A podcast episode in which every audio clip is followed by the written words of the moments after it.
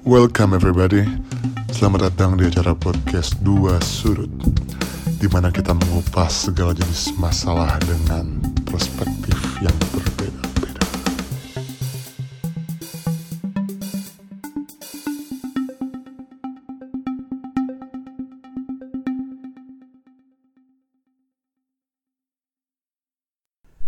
Halo guys, ketemu lagi bersama kita di podcast Dua Sudut And this is me, Michael and Andi, Hari ini kita mau bahas apa nih Andi nih? jadi kalau kemarin udah cerita tentang masa lalu gue, sekarang mau gantian nih. Kita cerita tentang masa lalu Michael. Masa lalu gue ada apa sih, Di? Kayaknya masa lalu gue gitu-gitu aja deh Oh gitu ya. Ya mungkin hari ini bagiannya bagian lo untuk bercerita. Mungkin gue pengen tanya dulu sebelumnya kali ya di zaman SMA atau mungkin sebelum itu gimana nih kisah perjalanan lu sendiri? Waktu SMA, gue pernah usaha jeans Ingat ya lu? Ingat ingat gue ingat. Jual chino yang warna-warni, Mu Jeans namanya Mu Jeans Oke, oke. Itu gimana ceritanya bisa pertama kali kepikiran untuk buka usaha Mujin sini? Logonya kan sapi, Di Ingat gak sih lu? Oke. Gue jual di Kaskus karena waktu itu zaman boyband Uh-uh. Boyband boyband alay yang pakai celana warna-warni Kalau nggak salah waktu itu lu lagi demen banget sama boyband boyband gitu ya kayak Smash gitu ya apa bener gak sih ceritanya ini? Ini namanya kebohongan nih Oh ini kebohongan. Menyebarkan kebencian Itu tidak baik Andi Oke oke gue cuma klarifikasi aja ya. Nah jadi usahanya dari jual jeans Cino awalnya PO Tapi berhenti karena udah agak susah sih di kalau usaha buka PO PO gitu tuh menurut gue pribadi waktu itu Oke kalau gua ingat-ingat zaman waktu itu tuh lagi maraknya BBM bener gak sih? Kayak banyak PO PO via BBM atau yang eh, order order purchase order gitu gak sih apa kalau gue itu jualnya via Kaskus dulu Oh via Kaskus. Kaskus tuh kan masih laku waktu itu jadi kayak bukannya sekarang nggak laku ya tapi waktu itu mungkin lagi hype jadi kayak gue jualnya di Kaskus Oh, tapi sebenarnya awal mulanya yang banyak beli itu dari Kaskus atau dari teman-teman sekitar lo sih?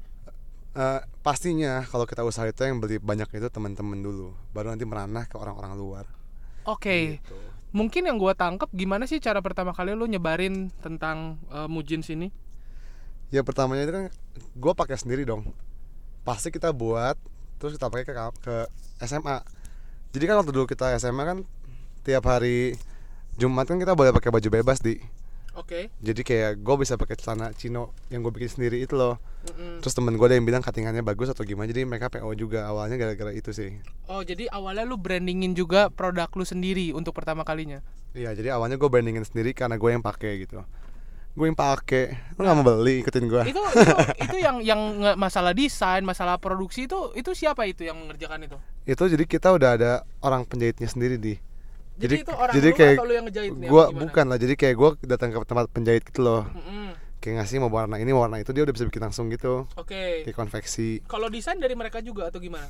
mereka tuh udah punya cuttingannya sendiri sendiri jadi kayak kita cuma bilang mau warna ini ukuran ini jadi aja gitu Oh, waktu itu kayak gitu kayak pertama gitu kali. tapi kan tutup abis itu gue buka lagi celana jogger Oh jogger, jogger. Waktu kuliah. Oh iya iya, jogger. kuliah ini semester ya? satu gue jual jogger jeans tuh Oke, mereknya apa tuh? Namanya apa? kalau nggak salah namanya Konstantin Konstantin. Oke. Itu jogger itu apa sih maksudnya esensinya kenapa? Apa lu lagi ikut hype-hype aja waktu itu jual jogger? waktu itu kan ada brand lokal namanya Erigo lagi naik daun gara-gara jogger yang ada stripnya dua terus gue bikin suatu modifikasi jadi gue bikin jogger tapi bahannya dari jeans Bedanya apa tuh? Beda bahan dong di kalau Oh. Erigo kan pakai bahan kayak bahan apa sih Maksud gua kayak kayak value yang lu tawarkan perbedaannya itu value utamanya atau iyalah Oke. kalau dari kayak lu anggapannya lu pakai celana trainer Adidas sama lu pakai jeans nudi kan beda Oke. gitu Oke. tapi itu masih PO dan kebetulan waktu itu ada orang-orang UP banyak kan yang beli Heeh. kan orang yang beli itu ternyata itu ukurannya itu kadang suka beda-beda di Hmm. karena kan ukuran sana kan 34, 32, 34, 33 Hmm. 34 itu macam-macam loh ada yang panjangnya 34 tapi lingkarnya 33 kayak gitu loh kan jadi susah gitu Oke. jadi habis itu gue berhenti lagi jualan Oh, Tuh, celana. jadi sebenarnya dari sisi demandnya juga mungkin nggak nggak begitu banyak atau gimana sih sebenarnya struggle waktu itu? sebenarnya kalau demand itu tuh kalau fashion ya menurut gue pribadi kita nggak bisa ngitung demandnya berapa banyak sih karena kan fashion itu anggapannya kan tiap orang kan juga kan butuh gitu Hmm. kayak lu setiap orang itu bisa butuh banyak hal gitu kayak baju bisa beli dua bisa beli tiga jadi demandnya kita nggak bisa bilang kayak gimana di menurut gue pribadi Oke, tapi ada demandnya betul. gitu menurut gue tapi tutup karena gue masalah dengan ukuran Ukuran apa nih maksudnya? Ukurannya. Ukuran badan lo, ukuran apa nih maksudnya? ukuran Sizing. sizing kan ribet di kalau menurut gue tiga empat tiga tiga tiga dua kalau gue mau ngestok gue harus keluar uang banyak banget kalau gue PO kadang-kadang ukurannya ada yang nggak pas kepanjangan atau apa jadinya gue yang tekor lama-lama Tapi waktu itu berarti berkaca dari dua bisnis ini tuh sebenarnya lu dapat untung atau gimana nih? untung dapat waktu itu gue cuma dapat untung tuh kayak lima puluh ribu lah per Satu order Per order. per order dapat lima puluh ribu Tapi kan dikumpul-kumpul dong, berarti sebenarnya untung ada lah. ada tapi ya karena masih kuliah juga kita harus PO PO kan kita butuh kerja juga kan buat kayak gitu jadi kayak ya nggak terlalu worth it buat gue waktu itu Oke, oke, oke, oke. Nah, terus dari bikin jogger ini sampai berapa lama sih akhirnya kepikiran untuk bikin tas sack bag? jadi kayak awalnya itu sack bag itu karena temen gue itu pakai tas root merek Adidas atau Nike ya Nike deh kalau nggak salah Oke. ke kampus terus gue tanya lu beli ini berapa harganya dia beli dua ribu. Dan gue mikir kayaknya di Bandung banyak penjahit yang bisa jahit ini tuh lebih murah. Hmm. dan kalau bahan itu bahan sama-sama aja karena dia cuma branding. Jadi gua usaha di Bandung cari bahan cari apa apa cari penjahit itu kebetulan pegawai nyokap gua saudaranya pegawai nyokap gua itu ada yang penjahit. Jadi kenalin sama nyokap gua dan that's it kita bikin.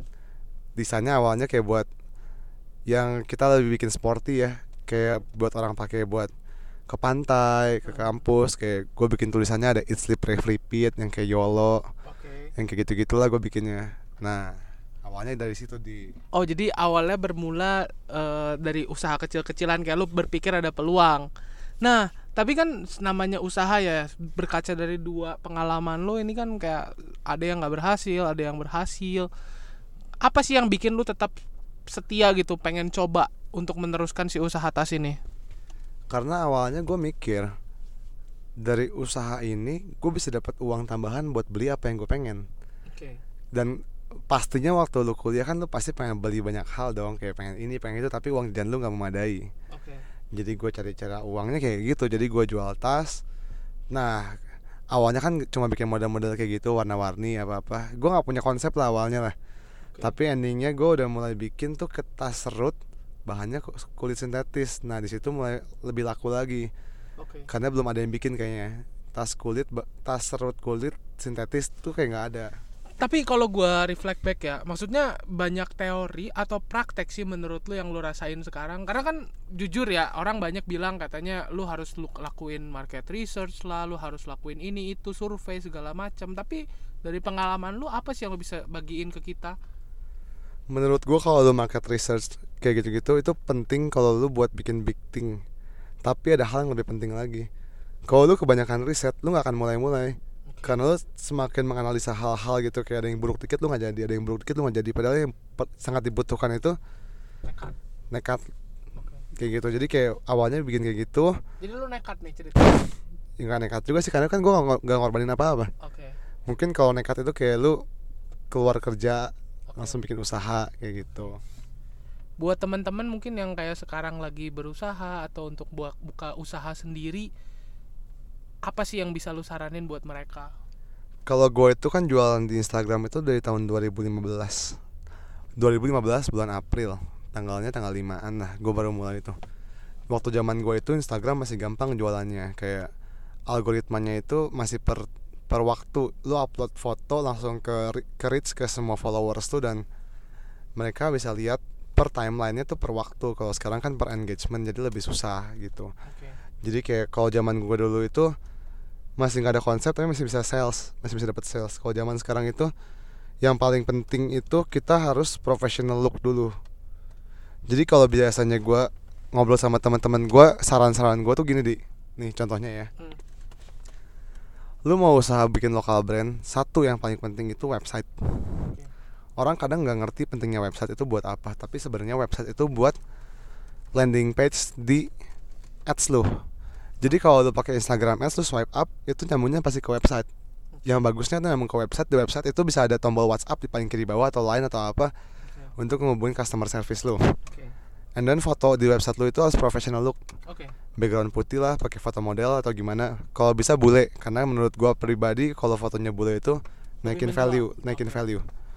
Walaupun market gua itu Asia tapi tetap aja lebih men- lebih lebih menjual menurut gua. Mungkin memang udah turun temurun seperti itu ya.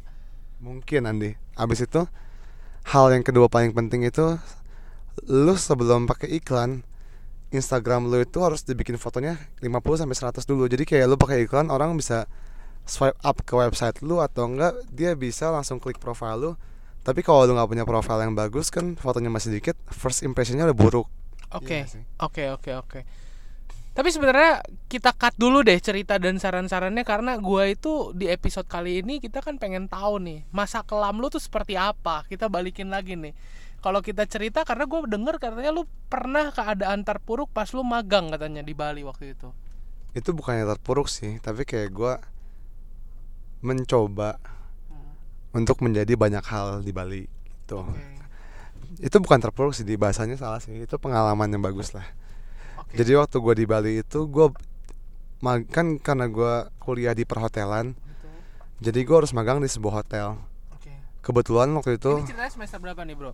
kalau nggak salah semester 5 Oh, berarti kan tadi kita kalau runutin semester 1 lu bikin eh, ini ya, apa Erigo Erigo itu ya, celana-celana. bikin celana cin celana jogger Oke, bukan celana- Erigo Erigo kan brand lain Sorry, sorry, maksudnya jogger, jogger pants. Terus eh, mulai bikin tas backnya itu semester dua semester 2. Berarti akhirnya singkat cerita itu tetap berjalan atau bagaimana tuh? Kita runutin jadi semester 2 kita masih jualan tas sampai sampai udah mulai naik naik naik ending waktu ma- waktu gua magang gue tetap jualan di Hmm. gua nggak punya admin gua masih sendirian gitu Itu kayak bukannya lu sambil kuliah nggak pusing apa, Bro? kagak sih kayak gue di kuliah juga gue tidur tidur doang Oh, jadi, jadi mungkin lu orangnya selengean juga ya waktu kuliah atau gimana sih? Coba jadi kita ya kepo juga. ya emang gitu sih kayak gue kuliah jarang belajar sih karena menurut gua pelajaran di kampus gue itu Gampang banget. masih bisa pakai nalar jawabannya Oh, masih bisa pakai logika. dan kebetulan lu nya kan IPA Oh, jadi gue bisa bikin rumus-rumus sendiri gitu atau mungkin mungkin lu yang ngerasa diri lu lebih pintar dari orang orang mungkin gue jenius Oh, mungkin lu jenius. Oke. Tapi singkat cerita berarti di semester 5 lu harus magang, lu nggak lepasin tas itu. jadi gini gue ceritain ya Nah, itu. jadi waktu gue magang itu pertama kali gue bebas milih magang di mana di Oke. karena waktu itu IP gue kebetulan lumayan bagus buat bisa milih Oke. tapi gue pengen magang di Bali nggak tahu kenapa emang dari dulu gue pengen di Bali gitu Di Bali pengen beneran magang atau pengen sekalian main nih? ini dua-duanya Oh, kebetulan waktu itu gue pengen cari peluang usaha di Bali Oke. jadi waktu gue magang gue jadi bellboy Ini beneran bulan bellboy? pertama itu gue jadi bellboy di Nggak, sebuah hotel Bellboy yang itu loh yang angkat-angkat iya iya iya gue jadi bellboy di hotel Hard Rock Itu lu memang memang bukannya bisa perhotelan itu nggak selalu jadi bellboy ya, bisa jadi admin atau apa? kan gue belum beres cerita Oke. dengerin dulu deh kalau gitu. jadi jadi gue magang itu tiap bulan pindah divisi tapi divisi yang paling pertama gue masuk itu gue ke bellboy bellboy itu gue pernah disuruh pompain roda troli lah ngangkat-ngangkat koper masukin ke inventory kayak gitu gitulah Oke. sampai kayak orang-orang tuh kasihan lihat gue gitu Oke. kayak tamu-tamunya tuh kan kayak gue putih Cina tinggi gitu kayak tapi tamu-tamunya pada kasih tipsnya gede-gede di jujur Oke. kayaknya kasihan apalagi kayak udah opa-opa oma-oma gitu kasih gue tips kayak seratus ribu seratus ribu dia inget nama-nama gue juga kayak datang bulan Juli Desember datang lagi dia masih inget gue gitu Oke, oke. tapi gue pindah bulan kedua gue di telepon operator Oh, jadi karena magang mungkin lu coba berbanyak berbagai macam ini ya. iya abis telepon operator gue pindah lagi ke JRO abis JRO ke reservasi Jaro tuh apa? guest relation officer Oke. abis itu ke VIP sama lagi reservasi Jadi lu total lu magang berapa bulan tuh? 6 6 kan gue bilang awal 6 Oke. Jadi waktu gua magang itu gimana tetap gua handle usaha gua kan Pasti pertanyaan lu ke sana kan Betul. endingnya Jadi gua itu magang di hotel itu jamnya tuh ngaco di Hari ini gua bisa masuk jam 7 pagi, besok bisa masuk jam 3 siang Kayak gitu-gitu Tapi Nggak ada nggak ada schedule-nya nggak ada. schedule-nya tuh ngacak Karena kenapa tuh bisa maksudnya nggak? Emang kalau di hotel pasti ngacak Oke. Nggak mungkin nggak Kecuali lu back office Karena kalau di operation itu pasti ngacak Itu Gitu. berdasarkan apa sih bisa ngacak seperti itu? Pasti ngacak dong Maksudnya karena ada kebutuhannya mungkin. Karena shiftingnya itu nggak nggak shiftingnya itu pasti ngaco. Kayak lu nggak mungkin dong kayak lu bagi bagian shift malam tiap hari. Oh. kan nggak adil ke tiap staffnya. Iya, staffnya kan banyak kalau di hotel. Itu sekitar berapa jam tuh? Sekali lu shift. 9 jam dong. Oke. kayak biasa. Jadi kalau gua lagi nggak masuk gua bangun pagi tetap gua balesin chat customer gua. Pulang kerja gua langsung packing. Kalau gua pulangnya malam gua packing. Besok paginya gua kirim sebelum kerja gitu. Itu lu lakuin setiap hari. setiap hari dong enak banget waktu magang tuh kayak lu nggak keluar uang banyak income lumayan mau buang-buang uang atau mau ngapain karena habis pulang kerja kan capek Oh gitu ya. Berarti memang dari dari semester 5 ini lu udah udah punya jiwa untuk entrepreneur itu udah ada ya terpupuk dari semester 5 bener gak sih? semester sebenarnya kalau entrepreneur dari semester 2 dong kan Oke. udah buka usaha Oke. jadi abis itu pokoknya perjalanannya itu abis dari sana karena brand udah lumayan naik waktu di Bali kan punya ngumpulin uang agak banyak tuh buat endorse endorse yang selebgram atau artis kayak gitu endingnya itu pokoknya kalau nggak salah gue semester 7 gitu ya gue buka bazar di CP Oh, oke. di acara U Itu yang paling pertama bazar lu. nggak pertama banget itu gue bazar di PVJ Bandung acara Oke. tapi itu kayak nggak terlalu profitable profitable tapi menurut gue nggak segede sewah itulah Oke.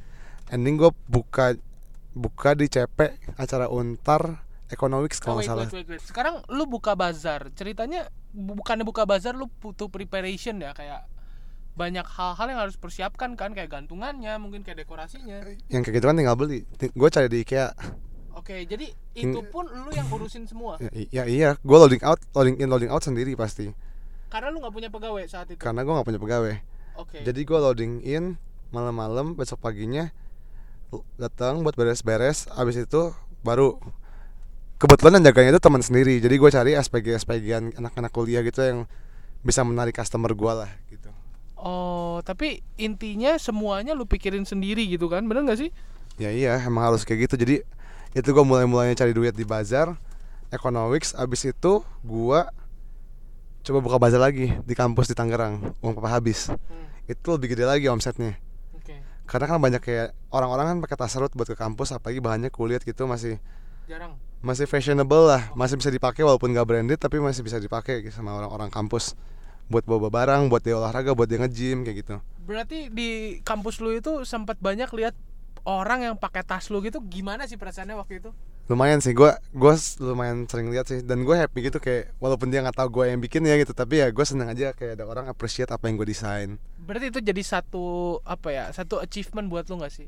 achievement banget apalagi waktu gue magang di Bali di jalan suka ada nemu orang pakai tasnya kayak gitu Oh, I see, I see. apalagi waktu gue pernah ke Ancol gitu itu juga pernah ke ya? Dufan pernah gue nemuin kayak 10 orang pakai gitu walaupun cuma 10 dari beribu-ribu orang tapi gue happy aja gitu Ya karena itu produk lu sendiri bener gak sih? betul banget sih kayak Oh. gitu Terus untuk seasonal nih, apakah sebenarnya lu suka ikutin zaman-zaman kayak misalkan waktu itu gue pernah tahu lu bikin tas versi kalau nggak salah ya. sebenarnya itu gue bikin seasonal karena lagi zaman zaman ada waktu zaman Despicable Me itu di Oh. tapi kan sebenarnya itu nggak boleh Oh. di Shopee nggak boleh oh di Shopee sekarang nggak boleh. di Shopee nggak boleh sebenarnya itu gue nggak nggak bikin Persis. persis tapi gue menyerupai Nah, maksud gua yang mau gua highlight adalah gimana sih pengalaman lu dari eh, menciptakan branding sendiri, ikutan seasonal, terus kayak misalkan sekarang udah fokus lagi ke branding lu sendiri itu pelajaran apa sih yang lu dapat? Enggak, jadi kalau zaman dulu itu gua bikin apa yang orang suka. Tapi gua nggak punya konsep. Dan Masa menurut bisa lu bikin- gimana? Dan menurut lu hal itu gimana? Menurut gua waktu itu ya nggak masalah karena gua cari duit. Oke. Tapi semenjak jadi perjalanannya gini di abis gua beres-beres itu kan gua buka toko di Bali kan. Oke, jadi berarti ini ceritanya udah lulus nih. Kita urutin lagi. Ya udah, coba gua ceritain dulu aja ya Boleh, boleh. biar ngurut. Jadi abis itu abis beres lulus gua kuliah gua ke Bali. Hmm. Buka toko di Bali di dek, di seberang hotel TS Suite Jalan Seminyak situ dekat La Vela situ lah pokoknya. Oke. Nah di sana itu offline tuh udah kurang laku kalau di Bali. Tapi waktu itu lu pernah ngobrol sama gua nih bahwa lu yakin pasar di Bali itu salah satu ya target potensial. Bener gak sih? Target potensial iya, tapi offline Offline kan? gue bilang target potensial tapi nggak bilang offline loh. Oke. Karena offline itu orang sekarang kebiasaannya habitnya udah malas buat jalan. Oke. Walaupun gue punya toko tapi mereka tetap belinya pakai Gojek atau nggak pakai Shopee kayak gitu-gitu.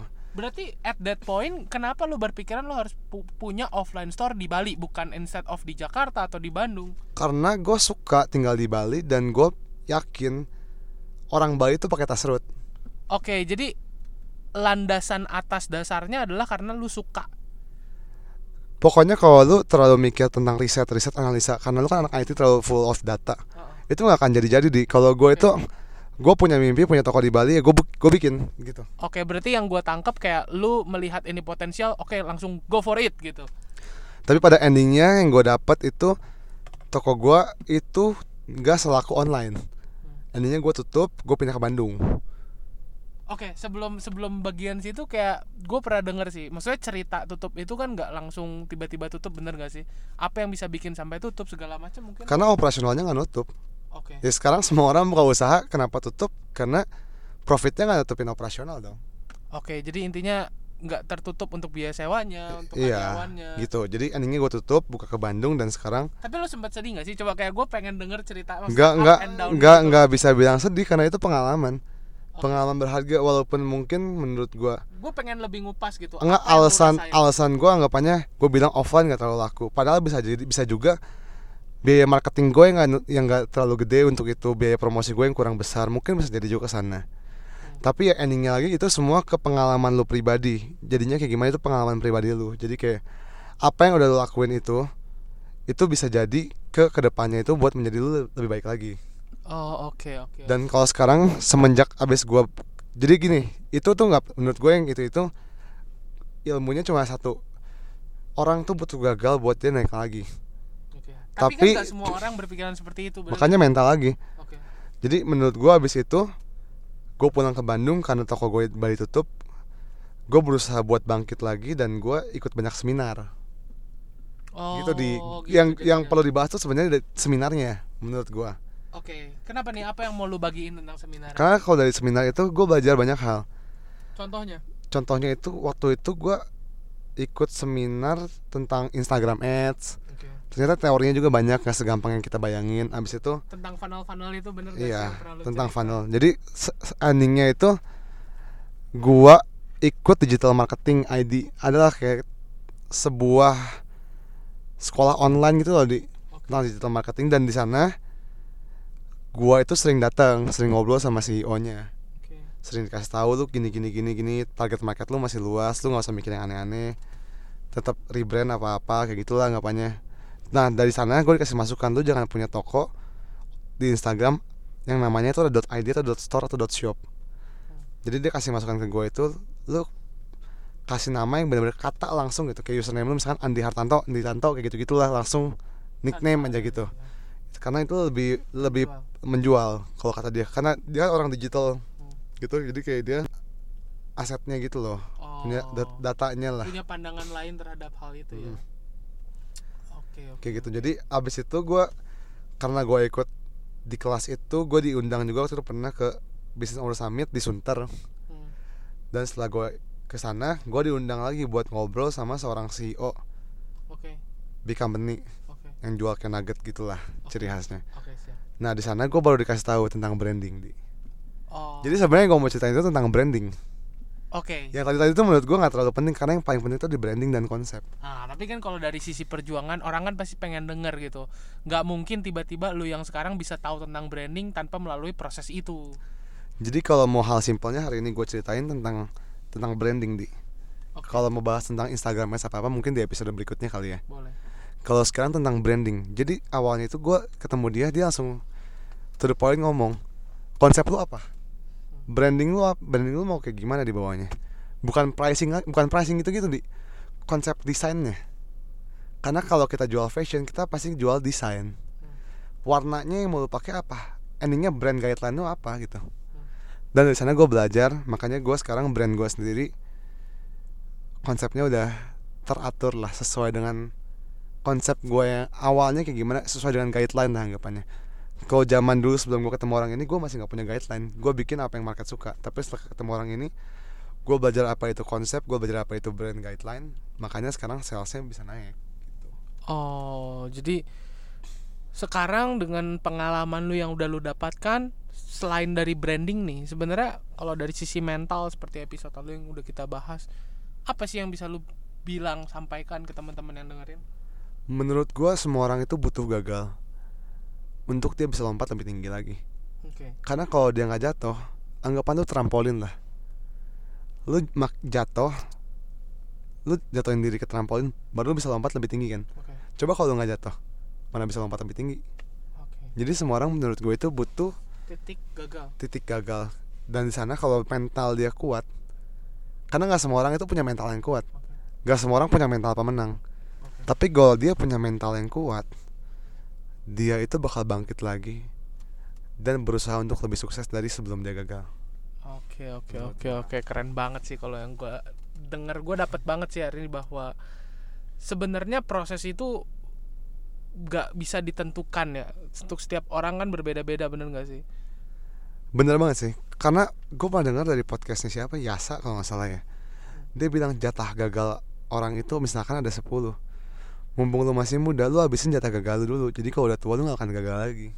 Wih keren banget sih. Maksudnya kita tetap mau bagaimanapun mau sejago apa pun tetap akan melakukan kesalahan. Dan yang itu tuh tergantung cara kita menerima responnya lagi. Gimana kita mau berubah kita mau memperbaiki itu. Betul banget Andi. Gitu. Jadi kita cukup udah tadi serius-serius sedikit lah kayak galak-galak dikit gue tadi. Gitu ya jadi sekarang udah santai lagi nih maksudnya nih. Udah biasa Iya. lagi nih. Kebetulan saya lagi sakit nih batuk batuk batuk pilek gitu. Oh jadi sekarang sesinya maksudnya udah lebih warming warming lebih. Enjoy lah sekarang Enjoy lebih gitu. lebih anget lah sekarang. Jadi kayak kesimpulannya yang gue mau kasih kalau kalian yang mau usaha tentang lokal brand nanti kayaknya gue sama Andi bakal nge-reveal ngasih tahu brand gue itu apa sih? Brand Andi itu apa sih karena Andi juga punya brand tempat makan dan gue punya brand lokal brand.